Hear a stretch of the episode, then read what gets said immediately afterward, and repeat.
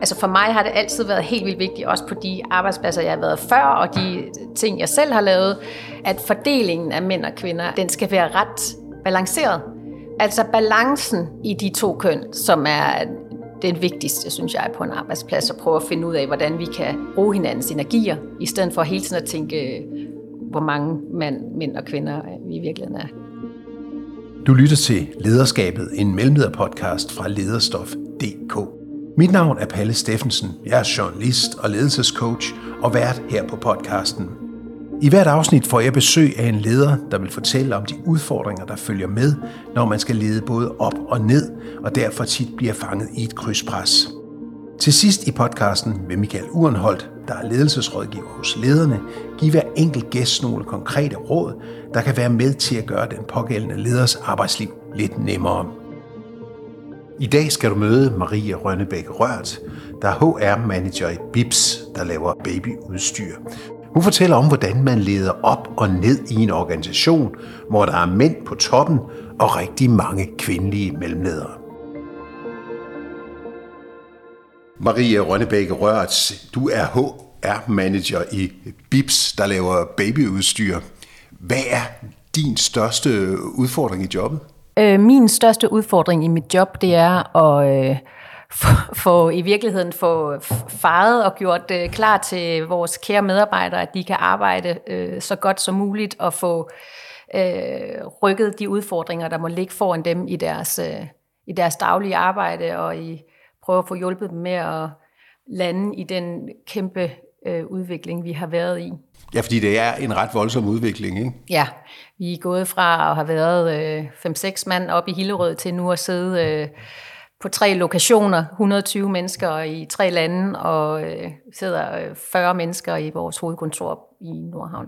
Og når du sagde, at det var en udfordring at sørge for, at der ikke er udfordringer for andre, hvad mener du så med det?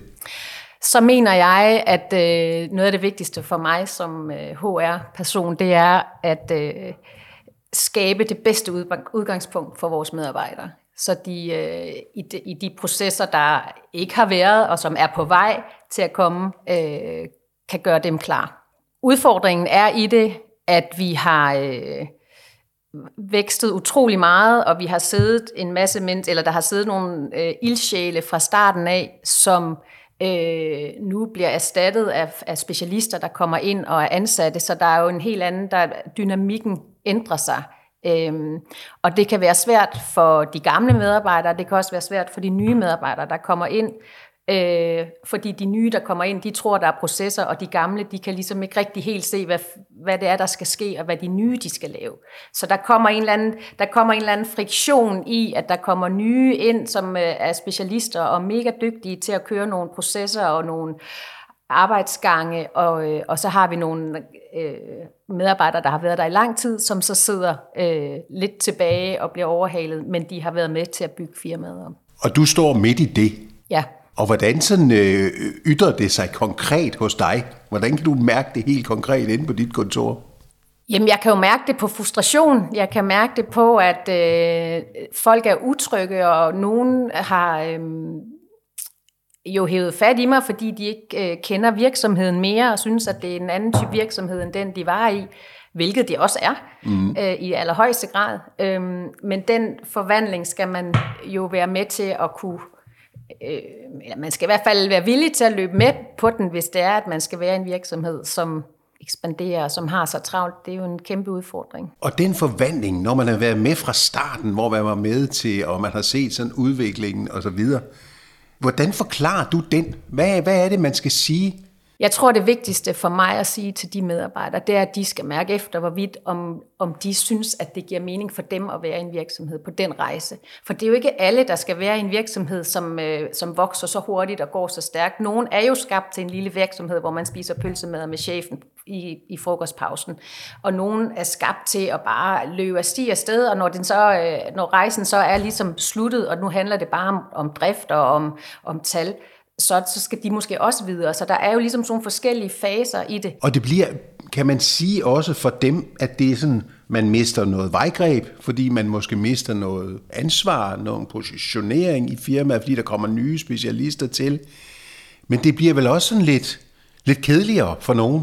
Eller hvad? Øh, jeg ved ikke, om det bliver kedeligere, men det bliver jo anderledes, fordi man jo førhen har været vant til at gribe de roller, der ligesom bare manglede, og der var noget arbejde, der skulle gøres, og nogle øh, projekter og processer, der ligesom bare skulle sættes i gang, og man greb jo ligesom bare dem, der havde hænderne og tiden, de fik jo opgaverne.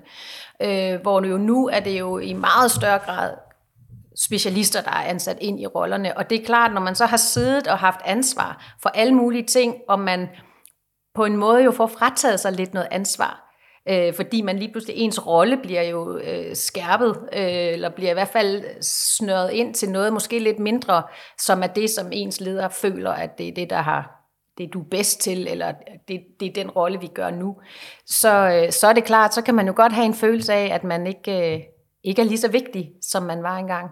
Og du har vel også sagt farvel, eller I har vel sagt farvel til nogen på den konto? Ja, det har vi faktisk. Vi har faktisk sagt farvel til flere. Men vi er også, der er også mange, som er øh, med på den, og som synes, at det er mega fedt, og som har prøvet flere roller af, for ligesom at mærke efter, jamen, hvor, hvor er det egentlig, jeg kan være? Og det har der jo også været plads til, at man kunne, kunne prøve af i flere afdelinger, og så lande et sted øh, for en plads. Så, så, så man skal jo være et menneske, som synes, det er fedt, og at det går stærkt, og at der kommer nye mennesker ind, og der bliver skabt processer, som ikke, man skal jo i virkeligheden være en lille smule øh, forandringsvillig.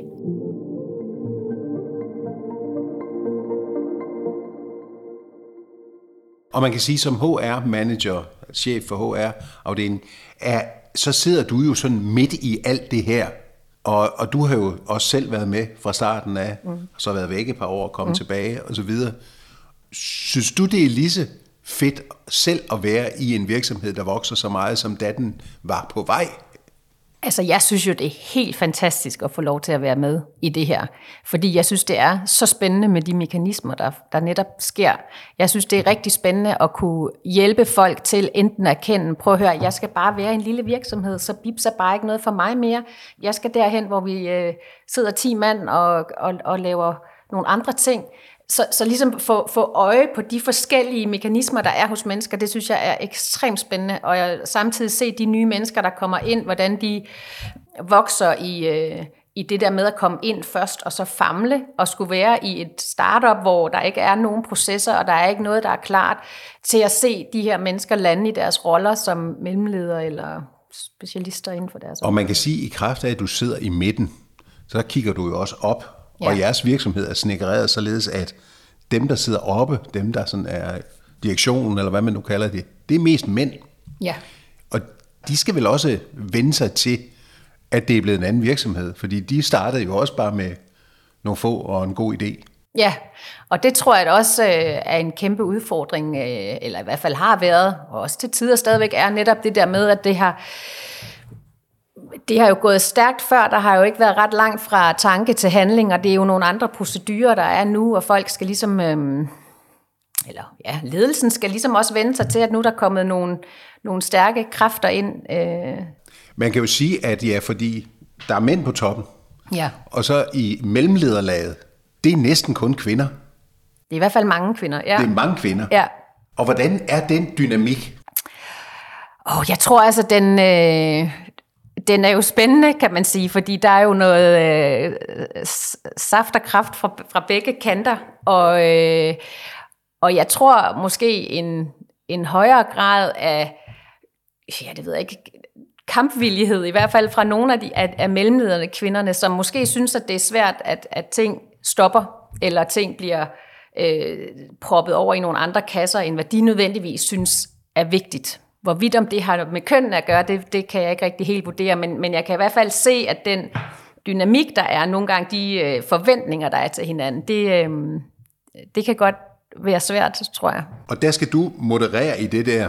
Og du fortalte mig øh, før, at, sådan, at der var måske en tendens til, når man er HR, sidder som HR midt i det hele som dig, at kvinderne har måske en tendens til mere at være åbne over for dig, mens mændene skal det har en lidt anden tilgang. Kan man sige det sådan? Ja, det kan man godt. Jeg føler rigtig meget, at øh, de fantastiske piger og kvinder, vi har på arbejdspladsen, de er rigtig gode til at bruge mig som, øh, til at spille bold op af og spare, og det kan være om personale, det kan også være om deres chefer, eller ledelsen generelt, eller altså i virkeligheden måske frustrationer i, sådan i al almindelighed, eller spørgsmål om arbejde i al almindelighed, øh, ja. hvor jeg i mindre grad oplever, at de mandlige medarbejdere, ledere eller mellemledere, eller i det hele taget, øh, at hvis de bruger mig, så handler det måske mere om en feriefridag, eller kan du hjælpe med en rekruttering, eller kan du, altså det, det er meget konkret, hvor jeg føler, at det måske er mere, øh,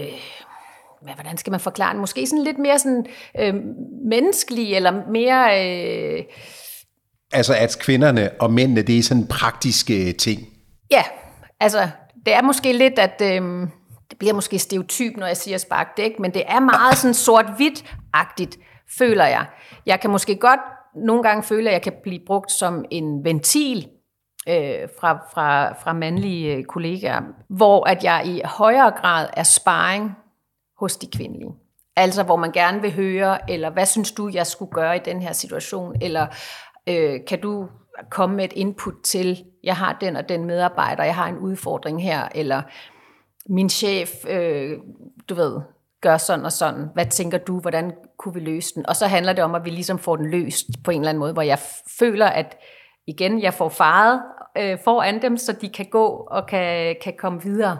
Men, men det er jo meget interessant. Vi skriver 2023, ja. og vi synes måske egentlig, at de roller er blevet blødt lidt op, og mænd tager jo barsel næsten mere end kvinderne efterhånden, og vi har jo virkelig en... Men det er stadigvæk sådan. Ja, det synes jeg i allerhøjeste grad, det er. Men jeg tror også, at nu skal jeg også passe på, hvad jeg siger, men jeg tror også, altså der, vi er jo forskellige, og vi kan jo ikke blive ens i vores køn. Øh, vi, kan, vi kan mødes nogle punkter, øh, men det er jo derfor, at altså for mig har det altid været helt vildt vigtigt, også på de arbejdspladser, jeg har været før, og de ting, jeg selv har lavet, at fordelingen af mænd og kvinder, er, øh, den skal være ret balanceret. Fordi enten så går der for meget... Øh, øh, ding-dong i den over hos mænd, eller så går der for meget hønsegård i den over hos kvinderne. Så det, det er ligesom altså balancen i de to køn, som er det vigtigste, synes jeg, på en arbejdsplads, at prøve at finde ud af, hvordan vi kan du ved, bruge hinandens energier, i stedet for hele tiden at tænke, øh, hvor mange mænd, mænd og kvinder øh, vi i virkeligheden er. Betyder det noget, at, øh, at der er så mange kvinder i mellemlaget, og der sidder mænd på toppen? Betyder det noget for sådan øh, en måde, man snakker til hinanden og kommunikerer på? Jeg tror i hvert fald, at man skal på en eller anden måde tage hensyn til hinanden, fordi at man måske som kvindelig øh, leder eller mellemleder øh, måske vil agere lidt hurtigt. Altså du ved, der er lidt mere nu tager jeg jo udgangspunkt i vores organisation i hvert fald, ikke? At der er jo i hvert fald, der er jo i hvert fald et, et godt bund energi, og der er handling, øhm, føler jeg, hvor, øh, Ja, hvor jeg, hvor jeg tror måske i hvert fald, men, men om det er sådan helt generelt for ledelsen, så, så kan det godt igen det der med at blive som, vi skal lige se, og vi skal lige... Hvor kvinderne godt vil have en, øh, er mere kontante, eller hvad i virkeligheden? Ja, det tror jeg faktisk i virkeligheden. Er det den vej, og skal vi, øh, kan vi køre? Ja. Det er jo meget interessant. Ja, det er det faktisk. Det er faktisk ret interessant. Og øh, jeg føler også, at når jeg nogle gange har haft med ledelsen nogle af de her snakke her, at, at der skal de på en eller anden måde have, øhm, have hjælp til at forstå, hvad det er, der sker, uden at det er det, de egentlig ved, at de skal have hjælp til. Og altså måske er det heller ikke det, ja, måske er det heller ikke det, jeg selv i virkeligheden har været klar over, at de skal have hjælp til, men, men jeg tror, øhm, så er du krydsspændt før. Mm, og i virkeligheden er det, er det måske netop det der med at, at prøve at forstå de energier, der opstår i, i mellem mænd og kvinder på en, øh, på en arbejdsplads. Altså den der, at mændene er ikke helt, jeg tror ikke altid, de er helt sikkert, måske lidt ligesom i et ægteskab. Jeg kom til at tænke på det. ja, ja. At, der, at der er de samme, hvad skal man sige, spændinger, ja. når vi fører det ud på arbejdspladsen, ja. som hvis ja. vi er hjemme i privaten med konen, manden ja. og hvad det nu er, kæresten. Ja, ja. Det, det tror jeg faktisk er i virkeligheden fordi jeg kan jo stadigvæk, selvom jeg er 57, blive forundret over, at min kone og mig, selvom vi har været gift i snart 20 år, kan gå så meget fejl af hinanden. Ja, og det er jo det der med, at man på en eller anden måde er jo øh, begge parter har ansvar for den kommunikation, der sker. At man ligesom formår, at man altså på arbejdspladsen også det der med, også lige så vel som hjemme, ikke? det der med, at man, du ved, jeg er som afsender, og jeg har jo en eller anden Mm. Jeg ved, jeg tror, at du vil forstå det sådan her. Ja. Øhm, men det er slet ikke det, der sker derovre. Altså, så man skal passe på med ligesom på en eller anden måde at tolke, hvad der er, der foregår over i den anden forretning. Ikke? Ja, hvis ikke man er sikker på, at det er blevet forstået i den tone, ja. jeg har sagt det. Ja. Og det er der, du skal ind og oversætte noget af det der. Ja, det, nogle gange så skal jeg ind og oversætte det der, ja. Og hvad, hvordan reagerer de så, de forskellige parter? Jeg tror, der er rigtig meget øh, velvilje til at forstå. Jeg oplever aldrig øh, de mandlige ledere, eller jeg oplever aldrig, at de er kontrære på det, der bliver sagt, eller det, jeg kommer ind med. Det kan godt være, at det måske ikke er så tydeligt, eller de forstår det helt 100. Og det er jo så igen der, hvor jeg er, men det er jo fordi, det måske er de der bløde ting, eller flerdimensionelle ting på en eller anden måde. Og det er jo måske netop også det der, der er med mand kvinde, ikke? At, det, at vi måske er på en eller anden måde lidt anderledes, øh, har lidt, skal ikke nedkøre det mandlige køn, men vi har jo lidt nogle andre dimensioner.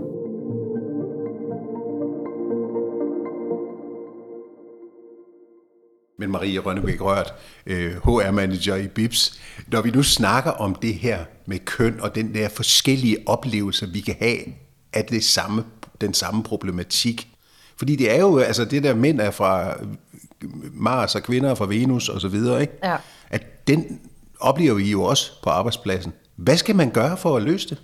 Jamen, jeg tror øh, fuldstændig ligesom mit ægteskab, så, så tror jeg, at, øh, at vi hver især skal være opmærksom på, at vi har et ansvar i, øh, at den anden forstår.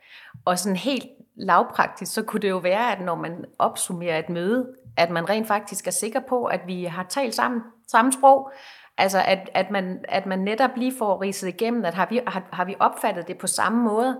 For jeg tror, man vil eliminere mange øh, misforståelser og mange... Øh, clinch i virkeligheden også på, hvis, hvis man sikrede sig, at vi har talt samme sprog.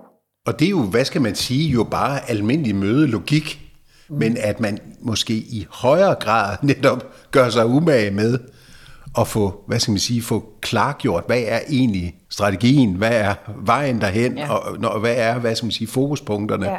i forhold til det, vi har talt om her. Ja, ja. i hvert fald når det ligesom er de der, hvor man ligesom kan mærke, at, at øh, krydsspændet ligger, ikke? At, det, at det er i noget kommunikation. Og hvis det, altså jeg er helt sikker på, at, at hvis vi alle sammen havde en lille smule mere øh, opmærksomhed på det, og lidt mindre øh, på en eller anden måde forud indtaget mening om, hvordan den anden vil opfatte det, jeg siger. Det er meget interessant. Du nævnte sådan et eksempel før, også, det er også i forbindelse med det der med at vokse, og du ved, at lige pludselig har man en stor maskine, hvor en, øh, en af de mandlige ledere sådan gik lidt bag om ryggen på din mellemleder. Prøv at forklare mig det. Jamen, der sker jo egentlig det, at der bliver øh, fra ledelsens... Øh, øh, bliver der ligesom spurgt ind til øh, omkring øh, det her projekt, om der er noget i gang, der er en proces i gang, og, øh, og det går ikke helt lige så stærkt. Vi skal jo lige tænke på, at det er jo fuldstændig øh, super iværksætter, vi har med at gøre, og øh, som sagt, så er det ikke ret lang tid siden, at der har været... Øh, at, at der ikke var så langt fra tanke til handling. Ja.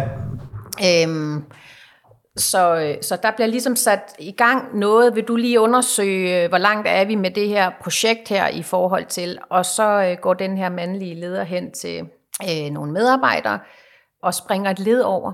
Mm. Og det skaber forvirring. Fordi nu er vi jo nået en størrelse, og vi er jo nået nogle, nogle processer, som, hvor vi bliver nødt til på en eller anden måde at erkende, at nu er vi ikke bare, nu er der lidt længere fra tanke til handling, fordi vi bliver nødt til lige at stoppe op, fordi der er ansat folk til at eksekvere på bedst mulig måde. Og den kvindelige mellemleder bliver selvfølgelig skidesur.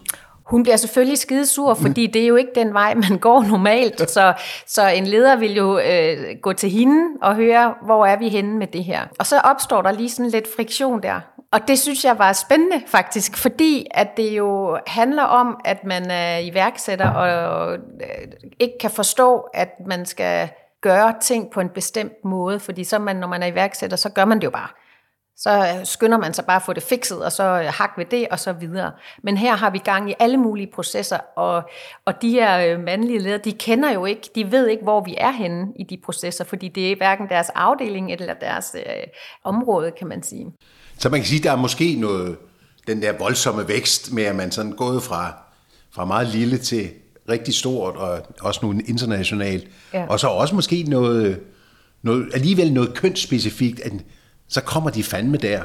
Ja, og jeg tror faktisk, at for, for medarbejderne er det, jo, er det jo intimiderende på en eller anden måde, at der kommer en, en leder, eller i hvert fald en ansvars, en, en person med stort ansvar, ikke? Og, og spørger dem direkte, når de, det er de bare ikke vant til.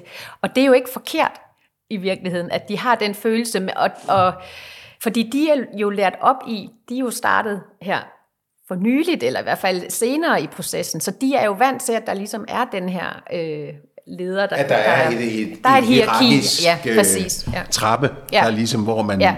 har nogle forbindelsesled mellem. Ja. For de har ikke været med før og spise pølsemad med Henrik op i Hillerød. De har jo kun været med til at være bibsen, som vi er i dag.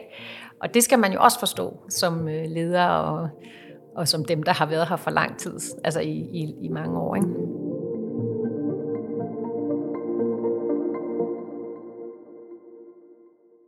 Michael Urenhold, ledelsesrådgiver hos lederne. Du har siddet og hørt Marie Rønnebæk Rørts øh, beretning her om at være i et hierarki, hvor der sidder mænd helt på toppen, og så er der rigtig mange kvindelige mellemledere. Hvad tænker du, når du hører hende øh, snakke? Ja, jeg, jeg tænker, at de er rigtig gode til at bekræfte den måde, de har organiseret sig på, øh, ved at de fastholder det her med, at der kun sidder mænd på toppen, og så er der en hel masse øh, mellemledere nede under, og rigtig mange kvinder ansat. Det er, det er jo, man, man låser sig selv i den kultur, og det, jeg, jeg vil helt klart, at det var det første, jeg tænkte, da jeg hørte det anbefale, der burde jo i den her øverste ledelse også være en kvinde eller to. Og så burde man sørge for, at nogle af de her mellemledere, de måske også var mænd. Altså diversitet er godt. Ja, diversitet er godt, men nu når det ikke er sådan, hvad så? Jamen, så må man bryde med de der fastlåste mønstre, og det jeg hører Marie, eller Maria, hun taler meget ind i, det er det her med, at øh, hun siger på et tidspunkt, at kvinderne er rigtig gode til at spare med, og man kan gå i dialog og sådan lidt. Og implicit ligger der jo lidt, at det søger mændene ikke. Og det, hun bekræfter det også lidt i hendes fortælling. Og der sidder jeg sådan, når jeg hører det, så tænker jeg lidt, jamen, det er jo nogle mønstre, der bliver bygget op i en virksomhed. Det er jo en startup, den her, som har vokset og alt det her. Og der får man sådan fastlåst sin kultur og den måde, man gør tingene på. Den, den, den, det følger virksomhedens udvikling. Og problemet er, når det gør det, så får man bestyrket, det er sådan, vi gør. Det er sådan, vi er. Det er de mønstre, vi har. Og så er det de mønstre, man følger, og det er de mønstre, man søger. Det vil sige, at kvinderne søger til kvinderne for sparring, og mændene de sidder deroppe og ikke ønsker sparring. Det skal brydes. Marie, hun har et øh, spørgsmål til dig. Lad os lige høre det. Det, jeg gerne vil spørge Michael om, det er, hvis vi skal lære at tale øh, bedre til hinanden, mand, kvinde, hvordan kan vi så få det implementeret på de danske udenlandske arbejdspladser? Michael, det er jo et meget konkret spørgsmål. Mm. Øh, vi kender det jo, og det snakker Marie også selv om, fra parforholdet. Hvordan kommunikerer vi, når vi som udgangspunkt måske er forskellige? Jamen, jeg, synes, jeg, på det første synes jeg, det er rigtig fint, Marie, hun øh, taler ind i, i den der metafor omkring parforhold, fordi hun, hun sætter det lidt op omkring kønnene her, mænd mod kvinder osv. Vi ved også, at i parforhold, og jeg er absolut ikke ekspert på det område, men der ved vi også det at tale sammen, og anerkende hinandens synspunkter og give plads til den andens meninger osv., det er en stor del af at få tingene til at hænge sammen. Øh, og, og med udgangspunkt i det vil jeg til enhver tid sige, hvis du skal bryde de her cirkler, og man skal lære at tale ordentligt sammen, og man skal have den der respekt som en værdi i virksomheden, så er der to ting, der er på spil her. Et, de skal have nogle klare værdiprocesser, altså de skal have nogle klare værdier, de læner sig op af. Det er både topledelse, mellemledelse eller hvem det er. Så er nogle helt klare værdier i virksomheden. Og hvad kunne det for eksempel være? Jamen, der, der er jo masser af ting i spil, men bare sådan en ting, som, som udgangspunkt har man respekt for hinanden. Det vil sige, man, man antager ikke, at andre kommer med en skjult agenda, eller man møder ikke andre med et forbehold for, hvad er det, de nu vil sige. Så en værdi, det er, at man udlever det, at man har respekt for hinanden, så som udgangspunkt møder man folk med åben sind og lytter til dem som udgangspunkt. Og for at kan leve sådan værdier ud i sin virksomhed, så er det jo vigtigt, at man har en feedback-kultur. Jeg ved godt, det lyder smart at sige feedback-kultur, men det jeg mener, det er, man skal jo lære og i talsætte, hvad er det, jeg ser hos dig, som jeg vil anerkende dig for? Hvad er det, jeg hører, du siger? Altså, en, der siger noget, som den anden måske opfatter på en anden måde, end hensigten er, det går galt. Så en af måderne at gøre det på, det er at lære folk at så sige, at man giver feedback ja, okay, så det jeg hører, du siger, det er, det du ønsker, det er sådan og sådan og sådan. Og så kan vedkommende bekræfte, det var det, der var meningen med det budskab, jeg sendte dig. Så på den måde, så bygger du en kultur op, hvor man lærer at forstå hinanden. Ja, fordi man kan jo sige, nu lever vi jo begge to i det, der hedder traditionelle parforhold. Ja. Og det er jo der, hvor man ofte selv gang på gang går forkert af hinanden, ikke? Det hører vi meget ofte, ja. Hvad er det så? Altså, så er det vel heller ikke noget, så er det vel også helt naturligt, at hvordan filen lærer vi det så på en arbejdsplads? Jamen, der er bare en forskel, fordi i privaten, der har vi følelser i klemme. Øh, fordi det, det er en har stor del af det. arbejdet. Og det. Det har man også på arbejdet, siger du så. Og ja, det er der, hvor det er vigtigt at skille det lidt, fordi der er noget, der er privat, så er der noget, der er personligt, og så er der noget, der er professionelt. Og det er super fint at være personlig på sin arbejde. Det er også fint at være professionel. Jeg plejer jo at sige, når folk spørger mig, at de rammer ind i problemer, så kan jeg jo tit og ofte høre, at så er det fordi, de er blevet sig ind i deres private rum. Enten er de blevet sårbare, eller er blevet udstillet, eller er blevet udfordret i forhold til deres person og hvad de står for. Øh, og der synes jeg, at man skal skille tingene lidt ad. Og hvis man nu kunne lade være med at tage det der private rum med ud på arbejdet, og det betyder ikke, at du ikke kan være personlig. Du kan jo godt have dine meninger, du kan godt have dine holdninger. Jamen, så er det et sted at starte med, og så begynde så at sige, at vi lærer at give hinanden feedback på det. Så vi, jeg er egentlig bekræfter, når min kone siger noget til mig, hvis jeg ikke forstår det, så er jeg jo nødt til at sige til hende, okay, så det du egentlig beder mig om, eller det du siger, det er sådan og sådan. Og så kan jeg jo få bekræftet, om det i virkeligheden er sådan. Det betyder ikke, at jeg er verdensmester til det, men det er i hvert fald en af metoderne. Nu har jeg jo for eksempel gået i parterapi over flere omgange og så videre, og noget af det, man for eksempel lærer i, i, i det forum, det er jo det, netop den der med at tale sådan til hinanden. Det jeg hører dig sige, når du siger, som du siger, og så videre. Så, så det er vel ikke helt forkert, at det er noget, vi, der kan gå i begge verdener, både i arbejdslivet og i privatsfæren. Nej, jamen, absolut ikke. Og altså, jeg vil være ærlig at sige, altså, vi, vi, man, der er rigtig mange steder, man taler om feedback-kultur, og, og det vil man gerne indføre, men, men altså, en ting er at tale om det, noget andet er at gøre det. Øh, og, og der er jo folk, der har, har både øh, moret sig og lavet bøger om det, og nogen med glemt i øjet, at, at øh, mænd og kvinder er fra to forskellige planeter. Og, og det er jo fordi, vi måske tænker anderledes. Jeg vil så sige, at der, der er lidt en disclaimer på det, fordi virkelig, når vi virkelig går til bunds i og kigger på, på forskel mellem kønnen i den måde, vi går til opgaver på og løser det på, så er det ikke kønsopdelt. Altså, der er så stort sammenfald mellem mænd og kvinder, måden vi løser ting på, og måden vi går til opgaver på. Så det der med, at vi, vi hele tiden stiller det, deler det op i kønnene, det, det er noget, det er levn for fortiden, synes jeg i hvert fald, og det er også det, jeg oplever. Men derfor så mener jeg jo... Men det er jo stadigvæk en realitet, for fanden. Ja, men det er jo fordi, vi bestyrker vores egne mønstre. Det, det jeg tror, der er problemet, det er, at, at, at hvis, hvis vi nu går ind med den holdning, at øh, kvinderne de vil bare sidde og snakke, og vi træffer en beslutning, fordi vi er mænd, så har du, er du bias. Du har en prædefineret holdning til tingene, og det vil sige, du ser også de mønstre, og du søger de mønstre, og det vil sige, du bestyrker den kultur, der er i forvejen. Jeg, jeg, jeg, altså hånd på hjertet, så, så er vi nødt til at arbejde med tingene på en anden måde, så vi er nødt til at skille det ad, og derfor tror jeg, det er vigtigt, at vi har nogle værdier, vi støtter os til, så en virksomhed, det siger, når, når vi står i et dilemma, eller paradoks, så har vi en værdi, vi læner os af, for den vil ligesom navigere os til at tage en beslutning i en rigtig retning. Og så for Maries vedkommende, så vil jeg sige, hun sidder med HR-delen og skal have det her til at hænge sammen, og jeg kan også høre, at hun har nogle frustrationer i det, hvad jeg godt kan forstå, på trods af, at hun gør et kanon stykke arbejde, så tror jeg altså også det der, jeg vil simpelthen arbejde på den der feedback-kultur. Tak skal du have, Michael. Du har lyttet til Lederskabet, en mellemlederpodcast med Palle Steffensen. I dag med Marie Rønnebæk Rørt, der er HR-manager i virksomheden BIPS. Vi håber, du er blevet inspireret af vores podcast, og husk, at vi har skrevet en artikel om Maries udfordringer og Michael Urenholds konkrete råd på lederstof.dk, hvor du også kan finde en masse andre artikler og podcasts, som klæder på med ny viden, konkrete værktøjer og perspektiver for andre ledere på alle niveauer. Lederstof.dk udgives af lederne, som er Danmarks største interessefællesskab for ledere med omkring 130.000 medlemmer.